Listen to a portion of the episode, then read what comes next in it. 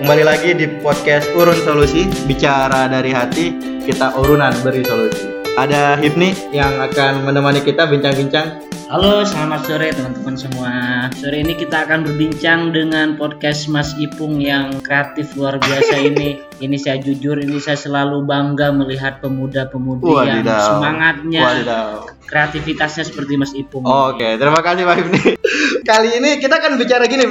Kak Hipni main media sosial gak? Saya pakai, cuman tidak semua media sosial saya pakai. Jadi intinya pengguna media sosial ya. Pengguna ya, pengguna aktif namanya. Kalau menurut Hipni fungsinya media sosial itu apa sih? Ya, media sosial itu sangat penting di era ini Ya. ya. Kita tidak mungkin bisa meninggalkan media sosial di, di era ini ya, karena itu menjadi kebutuhan hidup. Bayangkan kalau kita nggak punya media sosial, wah kita seperti kembali ke kehidupan masa lampau ya kan? Ah, kalau kita mau akan menjadi manusia yang terasing, ya akan menjadi manusia yang tidak bisa kudet kudet kudet, kudet betul betul, zaman. betul betul Sampai hari ini ayah saya itu nggak pakai Handphone, handphone smartphone. pakai, tapi nggak bisa SMS jadi bisa kita Telepon. wadidaw WA tidak tahu loh. Apa itu WhatsApp nggak tahu. Tapi bapak anda tahu kan sekarang tukang ojek jadi menteri.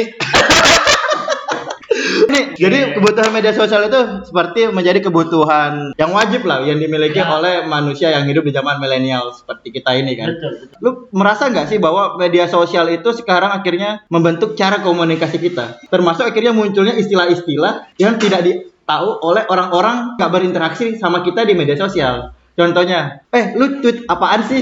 Ya kan, tweet itu kan bahasa yang tidak pernah ada sebelumnya dan akhirnya itu menjadi bahasa yang baru. Dari segi berbahasa akhirnya berubah menjadi cara kita eh, berinteraksi akhirnya menjadi satu kebudayaan eh, bukan kebudayaan sih mungkin. Cara kita berinteraksi yang akhirnya lebih banyak. Jadi misalnya gini, kita kumpul tapi kumpul semuanya kumpul-kumpul tapi akhirnya pegang handphone, Ah, pembicaraan nggak ada. Itu membuat pola komunikasi kita berubah. iya benar. Jadi memang begini, saya ingin mengutip pernyataan apa Mark Zuckerberg ya, Ya, pendiri Facebook itu. Dia Ah. mengatakan bahwa media sosial akan mendekatkan yang jauh, akan memudahkan yang sulit. Ya. Dan ada beberapa pernyataannya Ah. saya lupa. Tetapi ketika kita menggunakan media sosial dengan keliru, Ya. maka itu berbalik, bukan mendekatkan yang jauh, tapi justru menjauhkan yang dekat. Ah, ah.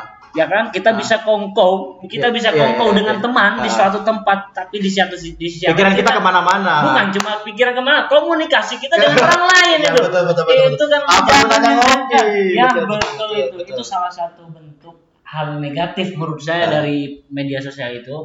Maka itu saya mengatakan janganlah terlalu terpapar virus-virus media sosial yang berlebihan ya, ya. jadi secukupnya Secukupnya betul, Nah, iya. secukupnya. Tidak ekstrim kanan, tidak ekstrim kiri.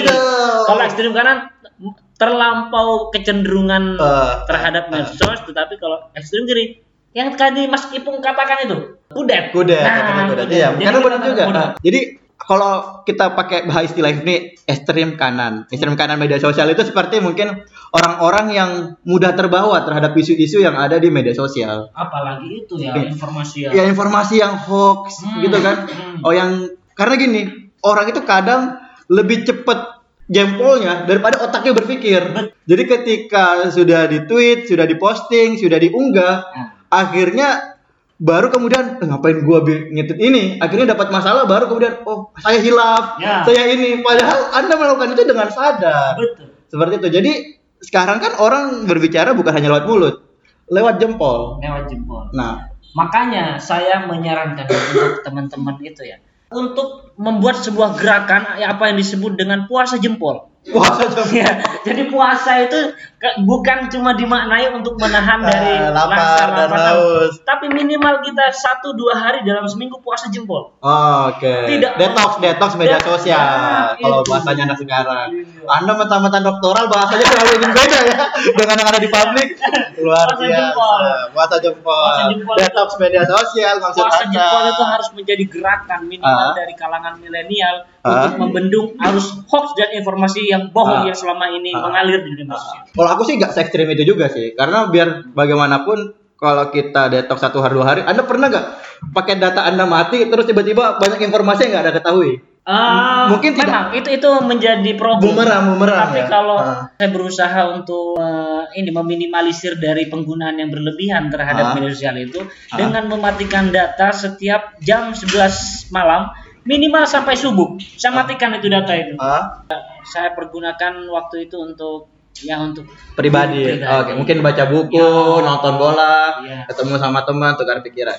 Untuk detox saya selama ini hanya mengurangi pembatasan sih, tidak Hmm. tidak sampai se ekstrim berpuasa sampai seharian nggak menggunakan. Karena takutnya ada instruksi-instruksi di grup kerja. Waduh, kita nggak kebagian informasi kan, kasihan juga.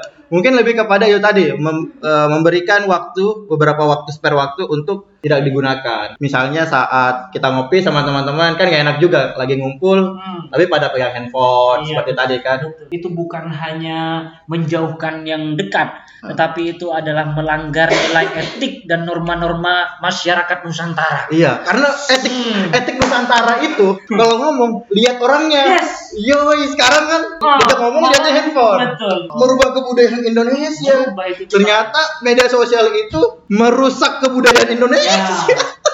Akhlak pada yang tua, Ya, akhlak pada betul. tidak sesuai dengan akhlak masyarakat Nusantara. Yoi. Sebuah fenomena yang saya kira ini buruk, Buruk, di kalangan. Di kita sendiri dan itu tantangan buat kita semua. Oke, sebenarnya tantangan juga sih, di mana kita harus mulai belajar tentang literasi digital. Literasi. Nah, digital. banyak orang yang nggak sadar di literasi digital. Contohnya memilih website atau sumber-sumber informasi yang otoritatif. Kira-kira Hifni kan punya pengalaman yang baik lah untuk tataran media sosial dan mendapat literasi digital yang baik. Kira-kira apa nih tips-tipsnya untuk pendengar podcast Urun Solusi Ya. biar dia lebih melek literasi digital? Nah, minimal kita harus kritis ya terhadap semua informasi itu atas kebenaran informasi tersebut. Oke. Apalagi minimal kata kuncinya satu. Kalau sudah menebar kebencian, misalkan Oke. menyudutkan salah satu pihak, Oke. itu jangan sampai kita terpengaruh dengan informasi seperti itu. Ah. Saya jadi ingat nih Nabi itu selalu membahagiakan orang lain, Betul. bukan justru menyengsarakan orang lain. Oke. Nabi itu mengabarkan hal-hal yang baik, Baik, ah. bukan mengabarkan yang buruk. Oke. Nabi itu merangkul, Bukan bukan, memukul. Nah, Anda tahu. Robi itu membagi keceriaan, Iya. bukan kecelakaan. Bukan. Jadi seperti itu. Jadi tips pertama dari Hifni adalah media sosial itu jika sudah mulai menyudutkan, tidak berimbang, Ah. Tidak berimbang bagi hal, ya sebagai jurnalistik dasar lah ya. Nah itu patut dicurigai juga. Selain itu juga mungkin sumber informasinya. Kalau misalnya sumber informasinya yang menurut kita itu abal-abal. Kalau website itu tentukan dulu dia ini di bawah perusahaan apa Oke. atau ada nggak penanggung jawabnya, ada nggak redaksinya. Jika cuma gambarnya aneh-aneh, apalagi jelas-jelas itu kopas-kopas, korelnya nggak rapi, korelnya nggak rapi, editannya nggak rapi. Nah itu anda patut curiga. Iya. Jangan sampai informasi di situ kita cerna, kita telan bulat-bulat tanpa rasa kritis, ya Iya, kan? benar. Jadi memang kita menggunakan media sosial itu untuk membahagiakan, Iya. membahagiakan, Membahagiakan dan saling membahagiakan. dan saling membahagiakan. Iya, iya. Iya. Di pilkada orang terpecah belah, Iya, eh iya. ujung-ujungnya itu, nah. Oke, terima kasih ini waktunya Ya, sama-sama, sangat Mas. baik sekali dengan informatif. Jadi eh, menurut saya penutup media sosial ini ibarat pisau. Ada dua sisi yang harus kita perhatikan. Tergantung bagaimana kita mengendalikan buruknya dan terus fokus menyebarkan kebahagiaan, keceriaan di media sosial. Terima kasih. Ya, sama-sama. Oke, Sampai jumpa. oke, sampai jumpa lagi di podcast selanjutnya. Urun solusi, kita bicara dari hati, kita urunan beri solusi. Dadah.